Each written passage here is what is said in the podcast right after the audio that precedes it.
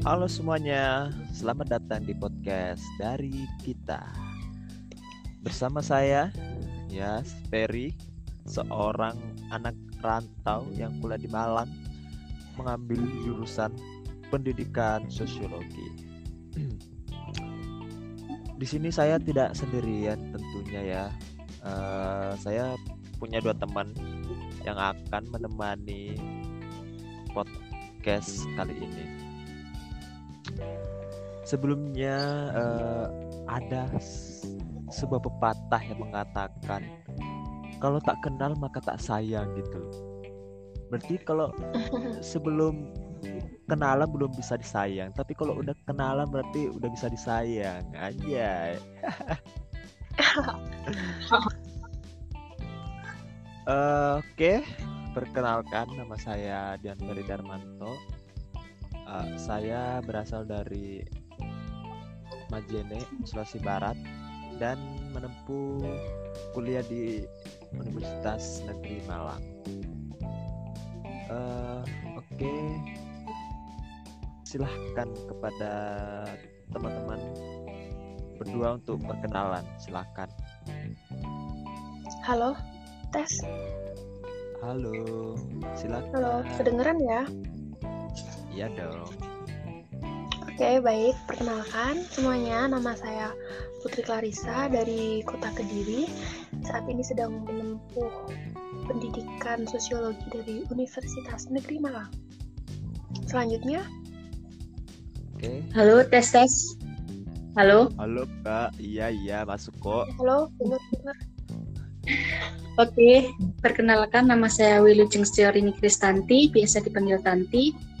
Uh, saya berasal dari kota Jombang dan saya sekarang lagi kuliah di Malang dengan jurusan sosiologi. Oke, itulah dia tadi uh, teman-teman yang akan menemani saya pada podcast kali ini. Uh, sebelum melangkah jauh ya ke materi podcast kali ini mungkin ada baiknya kita sedikit uh, memberikan bumbu-bumbu gitu ya yang manis pada podcast kali ini. Mungkin kayak seperti apa sih uh, kesibukan mereka berdua di masa pandemi seperti ini? Nah kalau Clarissa uh, kesibukan kesehariannya apa aja di tengah pandemi uh, seperti ini? Uh, kalau aku sih sekarang kan posisi lagi di Malang ya balik kos karena kalau lagi kuliah di rumah itu nggak memungkinkan banget. Waduh. Jadi aku balik ke Malang kesehariannya ya ya masak, nugas, bersih bersih, tidur udah gitu aja. Nggak ngopi-ngopi gitu, nggak belanja ke mall apa oh, segala macam. dong sama ngebucin ya waduh sangat-sangat ngebucin ternyata guys oh. Oke kalau untuk nih masih ada lagi? Nggak udah itu aja. Uh, oke. Okay. untuk uh, Tanti gimana? Kesarannya kesibukannya ngapain aja di masa pandemi ini? Hmm. Kalau aku sih kesibukannya di masa pandemi ini sama aja kayak sama Clarissa. Uh, di rumah cuma masak, bersih-bersih, kuliah, nugas, udah itu aja. Eh. Ngebucinnya enggak, Bang? Produktif ya. Enggak, enggak ngebucin juga kayak Clarissa tadi. soalnya soalnya jomblo. Oke okay, guys,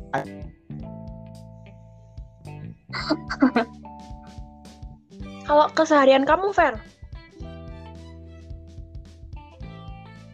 Halo? Bro? Iya, iya, iya. Oh iya, nggak ya, apa-apa. Ya, kalau Lanjut. ini lagi jaringannya, guys. Keseharian kamu dulu dong. Sharing keseharian kamu uh, Oke. Okay. Kalau kalau keseharianku saya cuma sibuk nggak ngapa-ngapain gitu loh gimana bisa coba gitu itu? ya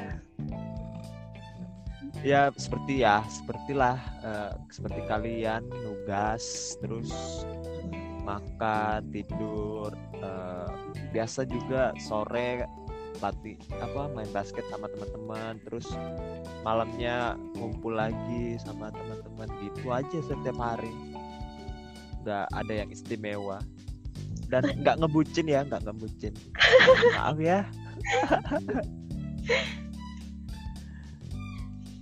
halo guys suaraku okay. masih ada kan ya masih kok oke okay. ya, lanjut aja yuk oke okay. uh, eh, lanjut tema di podcast kita kali ini yaitu masih berhubungan dengan kopat covid tentunya alias covid 19 dan te uh, dan tentunya berhubungan juga dengan perindustrian yang sesuai dengan tugas mata kuliah ini. Nah, Oke, okay, sebenarnya uh, kita buat podcast ini karena tugas dari mata kuliah Sosiologi Ekonomi Industri ya. Jadi kita itu disuruh buat kelompok untuk uh, membuat podcast. Sharing lah ya. Nah, ya sharing-sharing gitulah. Nah, tema yang kita angkat itu tentang industri kreatif di tengah pandemi COVID-19. Semoga kalian mendengarkan podcast kami dengan setia dan tidak bosan sampai akhir podcast. Amin, amin, amin. Oke, lanjut. Gimana memulainya? Sebagai seorang mahasiswa, mungkin awalnya saya ingin nanya-nanya dulu gitu ya ke, ke kalian. Uh, sebagai seorang mahasiswa sosiologi, anda tentunya mengetahui gitu, peristiwa terkini mengenai COVID dari sudut pandang ekonomi. Nah, eh, mengapa Anda memilih podcast sebagai salah satu platform utama dalam memberikan atau menyampaikan pendapat atau inspirasi gitu? Gimana? Bisa dijelaskan? menurut aku dulu ya kalau menurut aku kenapa kita okay, melalui platform podcast karena yang pertama kan emang apa tugas dari dosen kita sendiri lewat podcast terus yang kedua sih karena emang kondisinya nggak memungkinkan kalau kita mau bikin video atau apa terlalu sulit lah ya kita kan soalnya ya. lagi di rumah masing-masing gitu ya benar benar benar jadi mencari soal jalan alternatif lah buat komunikasi dalam penyampaian aspirasi kita mengenai tema yang kita angkat kali ini. Oke. Okay. Kalau Tanti gimana? Kalau dari aku sih uh, podcast lebih mudah diakses ya. Apalagi di zaman sekarang itu anak-anak muda kan uh, kebanyakan main Spotify kan. Di situ kan juga ada fitur podcastnya juga. Jadi uh, memudahkan untuk dijangkau lah gitu.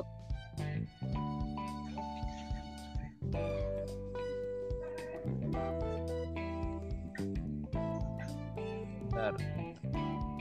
Benar benar benar benar. Kalau menurut kamu sendiri gimana, Fer?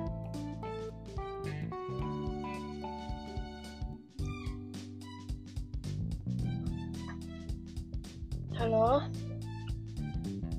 Halo. Ini memang jaringannya tidak stabil banget ya karena ini moderator kita lokasinya jauh. Halo guys, halo guys. Aduh tadi aku jaring bagus tadi ini nggak stabil. Gimana gimana gimana? Lanjut aja itu. Halo? Menurut kalau menurut kamu apa melalui Suaraku podcast? masuk kan? Masuk masuk.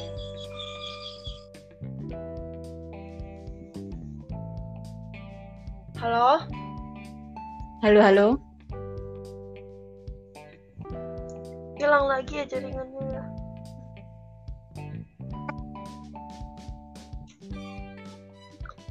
Oh, ini moderator kita masih keluar guys karena jaringannya dia susah banget di sana.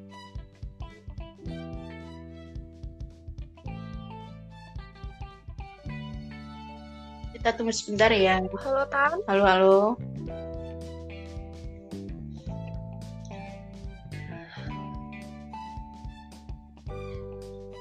Bung, kayak gini. Duh. Rasanya apa-apa. Oke ya, uh, kalau menurut saya ya, mengapa podcast jadi media yang penting buat eh, memberikan atau tempat untuk menyebarkan aspirasi atau pendapat. Astagfirullah, ya Allah. Ampunilah hamba ini. Jadi jaringannya si Ferry hilang lagi guys, ya Allah. Sekedar informasi kalau kita ini nge-podcast dari jam 4 sore ya sampai sekarang terkendala oleh jaringan. Miris. Cek cek cek. Cek cek. Halo. Udah kan? Halo? Udah. Oke. Halo guys, duh sorry maaf ya. Eh, biasalah jaringan di kampung nggak bagus banget. Aduh, minta ampun deh ini jaringan. Eh, lan- Ya, langsung aja yuk. lanjut. Ya kalau menurut aku sih mengapa eh, podcast menjadi platform utama dalam eh, menyampaikan atau menyebarkan aspirasi atau pendapat ya. Intinya ya karena sekarang eh, udah teknologi udah maju terus ya podcast juga udah banyak yang menggunakan gitu. Ya salah satu cara untuk cara salah satu cara ampuh untuk menyebarkan ya podcast. Soalnya cuma ngomong doang dan disebarkan gitu loh. Ya itu sih menurut saya. Iya nggak perlu keluar itu ya. sana sini cuma dalam ruangan yang hening terus merekam ya udah jadi deh. Oke guys lanjut ya. Eh menurut kalian nih apa sih eh, dampak yang paling kelihatan menurut kalian eh, tentang covid ini pandemi covid ini terhadap industri kreatif di tengah pandemi seperti ini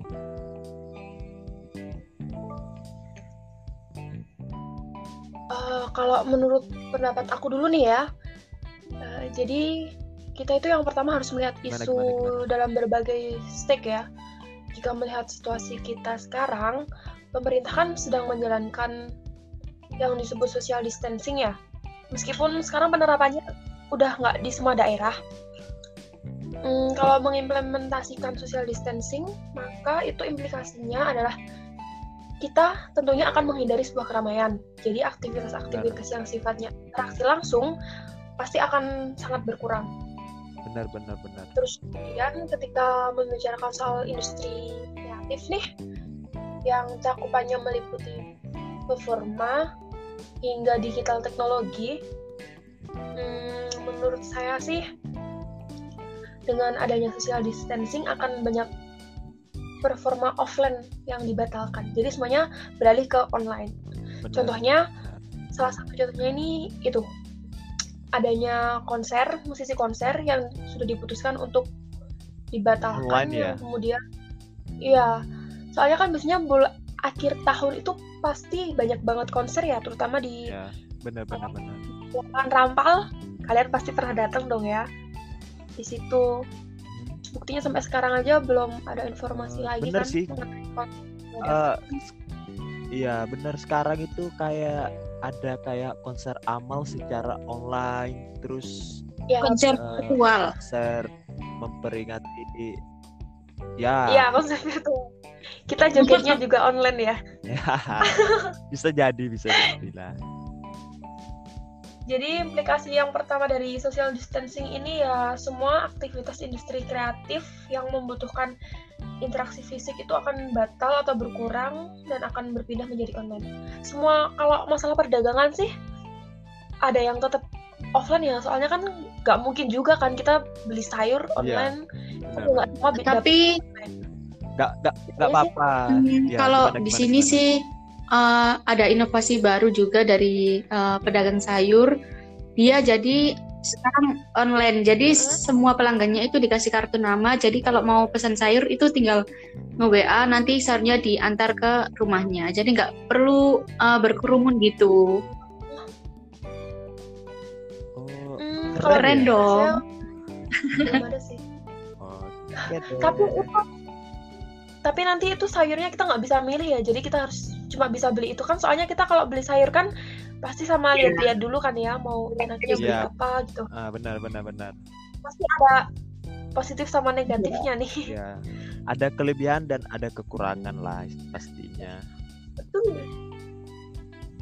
Wah ya walaupun kayak eh, secara langsung pun ya tetap harus memenuhi protokol kesehatan gitu harus pakai masker terus jaga jarak ya itulah in- eh, intinya kayak gitu sih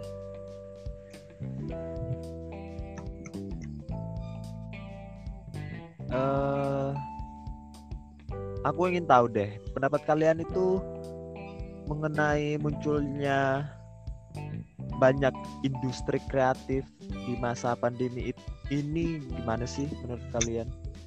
Uh, mungkin dari aku dulu ya. Oke, silakan Tanti. Kalau dari aku sih di tengah pandemi seperti ini kan uh, keadaan ekonomi tidak stabil kan ya banyak yang di PHK juga dari jadi kita mau tidak mau itu harus uh, memiliki inovasi baru untuk bisa menjalankan ek- ekonomi kita seperti kan sekarang banyak anak, anak muda yang mem- membuka online shop seperti masker tie dye, baju tie dye, terus alat lukis, itu jual akun Netflix gitu.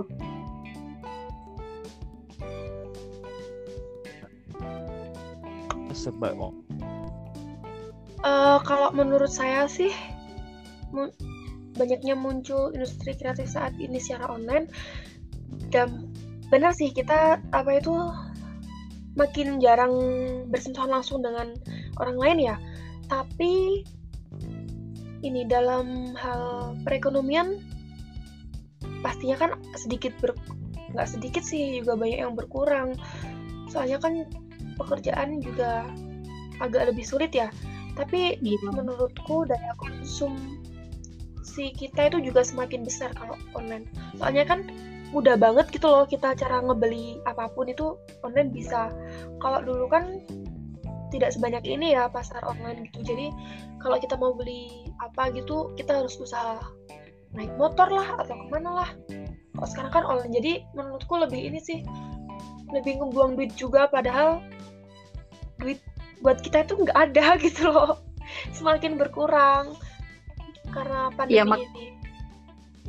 Ya makanya itu kita butuh inovasi baru. iya benar. Iya kayak gini lah sama benar-benar kata Tanti itu benar ya butuh inovasi baru. Kayak di tempatku tempat sa- di tempatku tinggal nah aku punya teman dia buka usaha kayak jual minuman Putus-putus, minuman gitu ya. yang per cup. Per cup cup nah dia itu dulunya sebelum corona ya biasa jualan itu secara langsung ya. Nah sekarang dia itu kayak eh, Putus-putus, Fer. ya lewat halo halo Putus-putus. udah masa lanjut lagi Iya, Mas. putus-putus. ini jaringan pasti lagi ah temanku itu jualan eh, melalui platform Jaringan. oh Facebook. iya. Nah, dia tuh kayak foto foto foto ya minumannya Nah, terus nanti di Mm-mm. upload nanti di upload terus kalau ada yang pesen ya langsung di ini langsung di chat nah kalau ada yang pesen lah eh, abis di chat pesen ya udah diantar gitu. Diantar sampai ke rumah. Jadi bisa pesen tanpa harus datang langsung oh gitu iya. kayak teman saya juga ada sih. Seperti itu jual nasi tapi. Jadi di cup cup gitu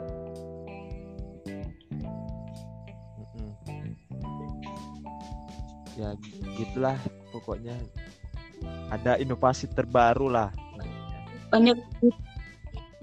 Iya, sekarang juga banyak yang warung-warung biasa itu sekarang juga buka, mulai tapi buka juga banyak GrabFood, ini loh Kediri, gitu. apa? Kopian baru yang buka gitu loh. Udah nggak terlalu ini sih onlinenya. Cuma ya bisa beli online sih. Cuma kalau datang ke tempat juga udah rame udah pada rame semua tapi yang penting tetap ini ya tetap bawa ya masker gitu. kesehatan pastinya. Nah, benar benar benar benar benar.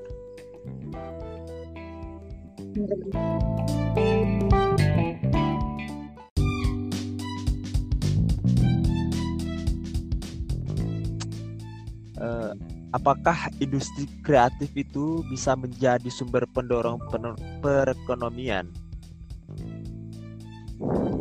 Gimana menurut kalian?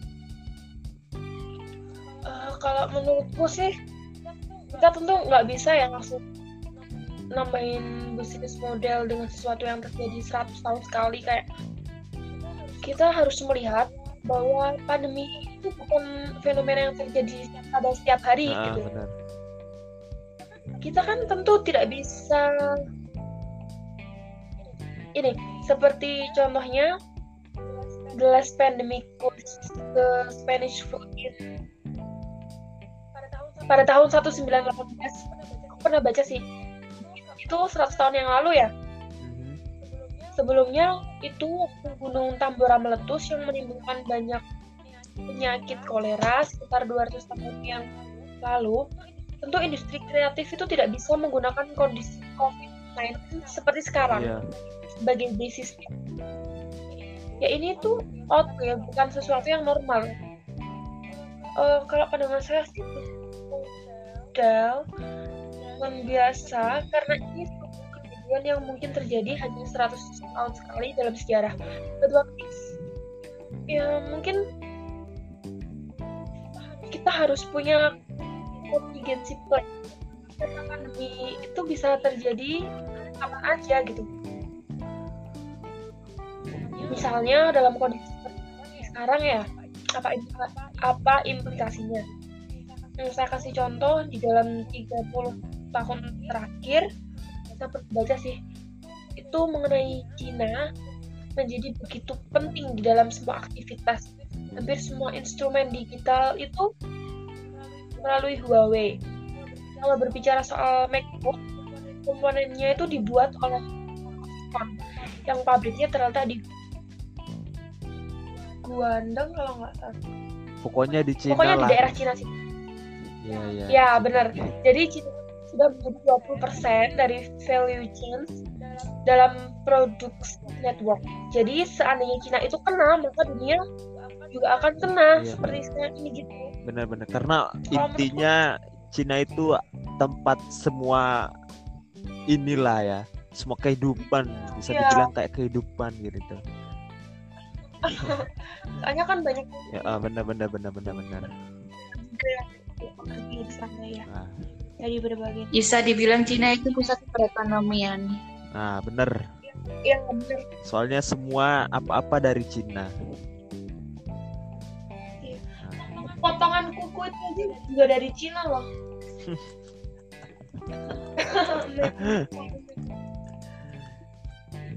Ya kalau menurutku sendiri ya, menurut pandanganku sendiri tuh kalau eh, apa tadi pertanyaannya? Kok aku buat pertanyaan tapi aku yang lupa ya, waduh. ini bentuk kreatif industri saat ini Oh iya. sudah dipersiapkan dan Eh, apakah industri kreatif menjadi sumber pendorong perekonomian menurut kalian? Nah, kalau menurutku sih eh, harusnya sih bisa ya. Soalnya kan dalam eh, industri pun harus pandai-pandai meracik atau merencanakan pemasaran biar biar ya biar barangnya laku semua gitu. Nggak nggak nggak ini Nah, kan kalau semakin kreatif berat bisa melangkah jauh industri tersebut. Paham Banyak. gak sih? Iya paham. banyak terobosan baru Nah iya, ah, ya banyak cara, banyak terobosan, banyak masukan. Nah, jadi eh, produk yang dijual pun atau yang ditawarkan pun bisa menarik minat banyak orang. Semakin Menur ya kalau menurut aku sih kayak gitu. ya.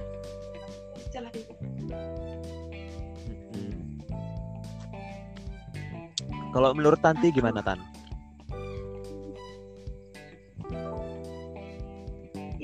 Nanti mas keluar ya. Pas banget, Iya, pas banget ditanya dia keluar. Soalnya jaringannya memang nggak stabil banget guys. Jadi ini gimana? Langsung tutup atau halo Kita Halo. nunggu? Oh ini ini. Oh ya, Tanti udah kembali. halo halo tes sudah bisa dengar Halo Tan. Oke, udah udah. bisa. kalau menurutku sendiri Nah, sih ayo lanjut. eh,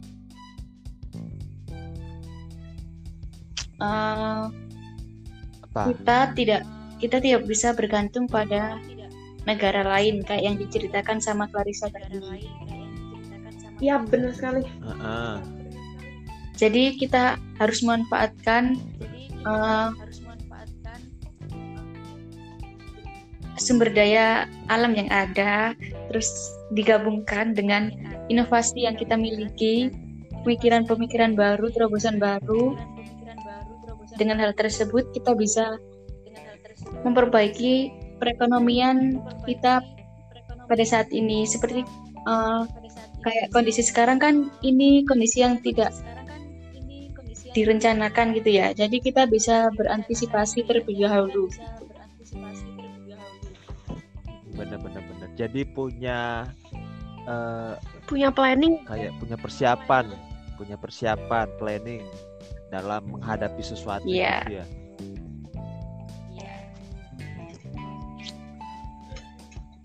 Oke guys, mungkin itulah eh, materi yang bisa kita sampaikan pada podcast kali ini. Karena memang jaringan Eh. banget ya. Jadi kita Ya mungkin Tahan mungkin hanya ini terus ki- kita juga minta maaf kalau selama podcast ini berjalan ada hal-hal yang tidak diinginkan seperti jaringan yang kurang stabil atau ada suara-suara yang goib masuk gitu. Oke, sekian dari podcast kali ini. Mohon maaf jika ada kekurangan yang sangat berlebihan. Terus eh, ya inilah kita dalam memenuhi tugas UTS. Mohon maklum. Oke, ya benar-benar maaf, sangat-sangat maklum lah. Ah, Oke, ya itulah podcast kami. Saya Ferry. saya Clarissa. Saya Tanti. Eh, kami bertiga mun- undur diri dalam podcast kali ini. Semoga kalian eh, mendapatkan pengetahuan yang baru, terus bisa menerima podcast ini dengan baik. Oke, itulah podcast kita. See you next time. See you. Sekarang.